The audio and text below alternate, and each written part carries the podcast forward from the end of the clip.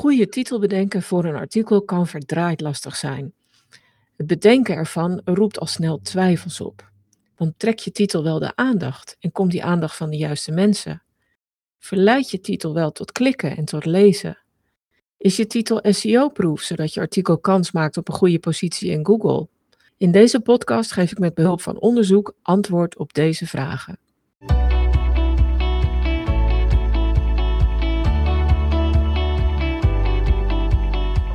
Een titel voor een artikel heeft eigenlijk drie functies. Allereerst moet hij natuurlijk aan de lezer vertellen waar een artikel over gaat.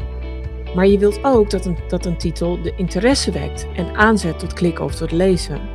En heel vaak wil je ook dat een titel er mede voor zorgt dat je artikel een goede positie krijgt in Google. Want de titel is een belangrijke SEO-factor. Dat betekent dat je titel ook moet aansluiten op de zoekopdrachten van de doelgroep. Dus dat zijn nogal wat eisen waar je eigenlijk aan moet voldoen als je een titel bedenkt. Er komt nog iets bij, want een titel moet ook vaak op meerdere plekken effect hebben. Op de site, waar je het blog of het artikel plaatst. In een nieuwsbrief, als je hem verder gaat delen met je doelgroep. Op social media, waar natuurlijk heel veel publiek komt. In de Google zoekresultaten. Maar dan moet je artikel daar natuurlijk wel eerst komen te staan. Dus eigenlijk heeft je titel impact op vijf plekken of manieren. Wil je overal scoren met je titel, dan vraagt het eigenlijk om titeltoverkunsten of om keuzes over wat jij nou het belangrijkste vindt. Als je een titel zo pakkend en effectief mogelijk wil maken, kun je natuurlijk uh, worstelen en kijken of je zelf het wiel kunt uitvinden. Maar je kunt ook kijken naar onderzoeksdata. En ik ben nogal dol op data, dus ik heb het laatste gedaan. En van daaruit ga ik dan weer richting creativiteit. Maar om even kort terug te komen op het onderzoek. Ik heb er drie onderzoeken bij gepakt die verschillende dingen hebben geanalyseerd. En echt ook grote aantallen artikelen hebben geanalyseerd. Eén onderzoek deed een analyse naar 700.000 artikelen. En keek vooral van wat de SEO-aspecten zijn eh, waar een titel invloed op had. En hoe je dat het beste op een positieve manier kon beïnvloeden. Een tweede onderzoek keek naar 800.000 artikelen. En keek vooral naar artikelen die al wel op die eerste pagina in Google staan met zoekresultaten. Maar, waar, en maar we vervolgens analyseren of er verschillen in titels waren waardoor mensen sneller of minder snel klikten. Dus dat vond ik ook wel een interessante. En een derde onderzoek heeft 1 miljoen artikelen geanalyseerd die gedeeld werden via Facebook en Twitter en keek daarbij ook onder andere naar de titel natuurlijk. Nou, behalve die drie onderzoeken heb ik er ook nog een boek bij gepakt, wat al een tijdje hier in de kast staat. Het is het boek Contagious van Jonah Berger, hoogleraar in de VS. Die heeft een aantal jaren geleden uitgebreid onderzoek naar gedaan naar waarom content wel of niet viraal gaat. Wat raakt mensen dan? En daar zitten ook een paar hele fijne aanknopingspunten in voor goede, effectieve titels. Dus die vier dingen heb ik gecombineerd. En op basis daarvan kun je wel een aantal uitspraken doen over titels die goed scoren bij mensen. Titels die slim zijn om te gebruiken als je vindbaar wil worden. En titels uh, die goed scoren op het moment dat je eenmaal vindbaar bent, maar dan vanuit die zoekresultaten nog wel mensen moet verleiden om nou op jouw website te klikken. Dus dat zijn drie verschillende aspecten. En het fijne is ook dat er voor een deel dezelfde dingen uitkomen in titels die werken, maar voor een deel ook niet. En dat betekent dat je ook als je zometeen weet welke aspecten welke invloed hebben, dat je dan soms, soms toch nog wel bepaalde keuzes moet maken omdat je vaak met één titel niet al je doelen tegelijk kunt bereiken. Maar dan loop ik op de zaken vooruit. En ik wil eerst met je delen wat nu scoort bij lezers en bij mensen. En er zijn een paar dingen die echt eruit springen, die bovengemiddeld veel kliks en lezers trekken. Allereerst is dat als je een vraag in een titel zet. En dat kan een echte vraag zijn, maar ook een retorische vraag. Het tweede is als je titel aangeeft dat je iemand wil helpen. Dus je vermeldt bijvoorbeeld al dat het hier gaat om een gids om een hoe-doe-uitlegartikel of om een stappenplan of om een checklist. Als dat duidelijk in je titel staat, dan weet iemand van, ah, hier zit de hulp die ik zoek. Veel speelser dan, dan, dan die hele praktische hulp is als je met alliteratie of met rijm gaat werken. En alliteratie kennen we eigenlijk allemaal wel, de kreet Heerlijk Helder Heineken. Die allitereert niet alleen heel fijn, maar bestaat ook nog eens een keer uit drie delen. En iets wat in drieën wordt benoemd, dat werkt ook nog heel prettig op het menselijk brein. Maar wat ook goed werkt, is rijm. Uh, denk aan een titel als Wijs op reis.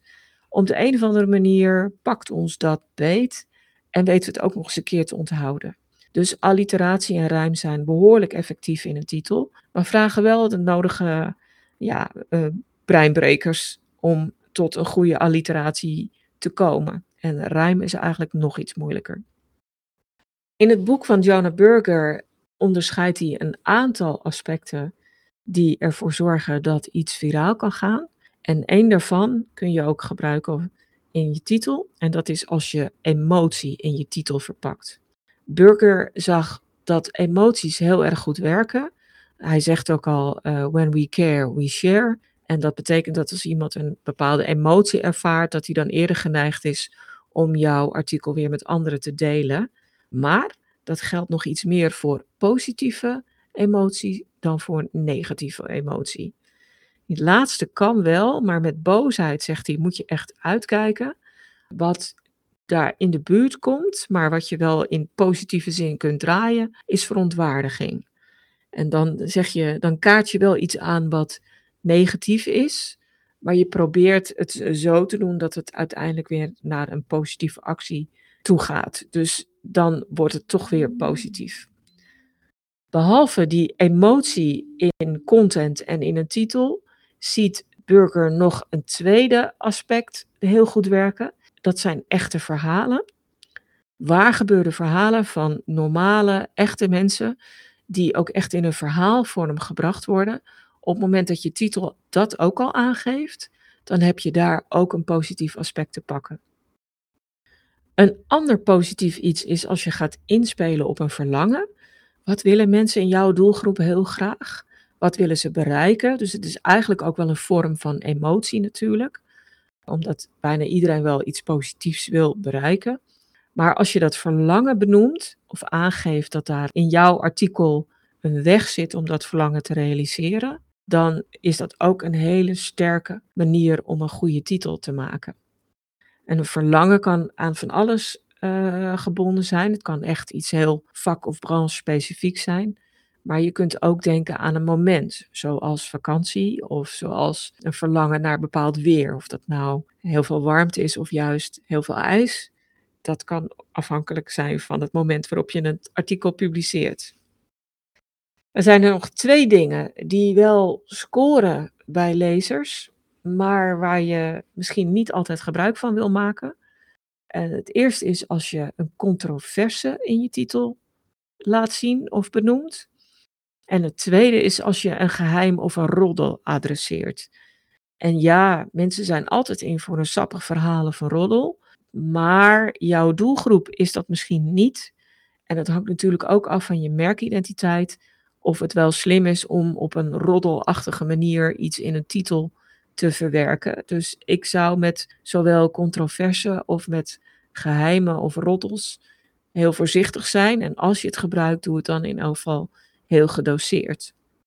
Nou, tot zover de dingen die heel goed scoren bij mensen zelf. Maar wat nu als je beter vindbaar wil worden? Als vindbaarheid een goede positie in de Google zoekmachine voor jou een belangrijk doel is met je artikel, nou, dan, begin, dan kijk je naar bepaalde SEO basics. En de titel is een heel belangrijk element om de SEO van je artikel een hele goede boost te geven. Dat vraagt wel om duidelijkheid. Dat vraagt ook om herkenbare woorden en termen in je titel. En het vraagt om een wat langere titel, omdat langere titels over het algemeen meer inkomende links realiseren. En inkomende links zijn voor Google een teken dat hier in dit artikel waarde zit. En dat zal je sneller een goede positie in de Google zoekresultaten opleveren. Dus dan moet je een wat langere titel gebruiken. Maar goed, stel dat je dat allemaal goed doet en je hebt het artikel keurig geoptimaliseerd. Er komen wat, wat inkomende links naar het artikel. En je komt inderdaad op die eerste pagina met zoekresultaten. Dan staat jouw website, jouw artikel, wel in een enorme tekstbrei. Hoe val je dan op? En het is niet voor niets. Mensen die iets zoeken hebben allemaal haast. Dus dat betekent dat de bovenste drie vermeldingen in de zoekresultaten vaak meer kliks krijgen. Maar die eronder, die kunnen wel gaan stijgen. Onder andere omdat mensen toch liever op een van die lagere resultaten klikken dan op eentje die in die top 3 staat. En dat kun je wel mede beïnvloeden met je titel. Wat zijn dan goede titels om meer kliks te krijgen in de Google zoekresultaten en daardoor gaandeweg nog, nog iets verder te stijgen? Een vragende vorm en een herkenbare vraag werken hiervoor heel goed. Die krijgen gemiddeld 14% meer kliks dan de wat neutralere vertellende vragen.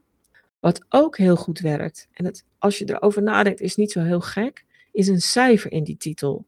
Ik gaf net al aan, het is een tekstbrei. En als een cijfer in die titel staat, dan valt die meer op. En dan blijkt uit onderzoek dat vooral het getal 10 het heel goed doet. En dat oneven cijfers het net iets beter doen dan even cijfers. Dus als je met een cijfer gaat werken, moet het natuurlijk wel passen met je artikel. Maar als je met een cijfer in je titel gaat werken, kies dan voor de 10 of kies voor een 3, een 5 of een 7. Die 9 zou ik laten zitten, want op het moment dat je 9 dingen hebt te noemen, zou ik zeker kijken of je er 10 van kunt maken, omdat die 10 het allerbeste scoort. Dus met een cijfer val je wat meer op. En ook hier geldt weer dat die emotie in die titel toch wel wat meer kliks krijgen. Maar wel met de kanttekening dat je sensatie moet vermijden. Sensatie werkt nog wel enigszins op social media in de, met in de titel. Maar werkt toch een stuk minder als mensen gericht zoeken. Dan zijn ze toch wat meer resultaat georiënteerd. En dan kan een sensationele titel toch te veel op clickbait lijken. En nou, die redden het gewoon niet. Dus ja, emotie, maar gedoseerd. Wat ik wel eens zeg, is dat je bij een titel vaak moet kiezen. En dat is dat je of meer met die lezer in je gedachten zit, of meer met de bruikbaarheid in SEO-opzicht. Dus dat je meer met het doel om goed vindbaar te worden in je achterhoofd zit. En dat als je eenmaal vindbaar bent, dat je dan ook die kliks krijgt. Maar je ziet dat er wel een bepaalde overeenkomst is. In die zin dat emoties en vragen het voor beide doelen goed doen. Maar soms moet je kiezen. En ik had laatst een voorbeeld, of eigenlijk is dat wel weer een tijdje terug, van een artikel dat ging over vulkaanreizen. Reizen die je kunt boeken naar actieve en niet-actieve vulkanen. Is natuurlijk heel erg gaaf als je daarin geïnteresseerd bent. Ja, noem je dan het woord vulkaanreizen in de titel? Of doe je het heel speels en gebruik je bijvoorbeeld een quote uit een bekend nummer en zeg je dansen op de vulkaan? Kan allebei. Nou, in dit geval was het toch belangrijker om vindbaar te worden in Google, dus werd er gekozen voor vulkaanreizen, omdat dansen op de vulkaan daar nog echt te ver van af staat. En dan kun je een artikel wel op andere manieren optimaliseren, maar we wilden gewoon op zee spelen. Dus dan kiezen we voor vulkaanreizen. En zo zie je dat je soms wel moet kiezen tussen die echte hele creativiteit versus toch de wat meer brave, beschrijvende vorm van een titel. En kies voor het laatste op het moment dat je vindbaarheid je primaire doel is. En kies voor een eerste op het moment dat je wil dat mensen op jouw artikel klikken als het op jouw eigen of op andermans website staat. Of als je heel veel verkeer via social media wilt trekken en daar echt wil opvallen en zichtbaar wilt zijn met je artikel. Dus daar zit, daar zit best wel een dilemma in en een keuze. Maar zoals gezegd, speel je op veilig en wil je eigenlijk allebei, ja, dan zijn de vraag en gedoseerde positieve emotie wel een uitkomst om in je titel te verwerken. En een cijfer kan natuurlijk nooit kwaad. Dat helpt je in Google, maar dat helpt ongetwijfeld ook bij de gewone menselijke lezer.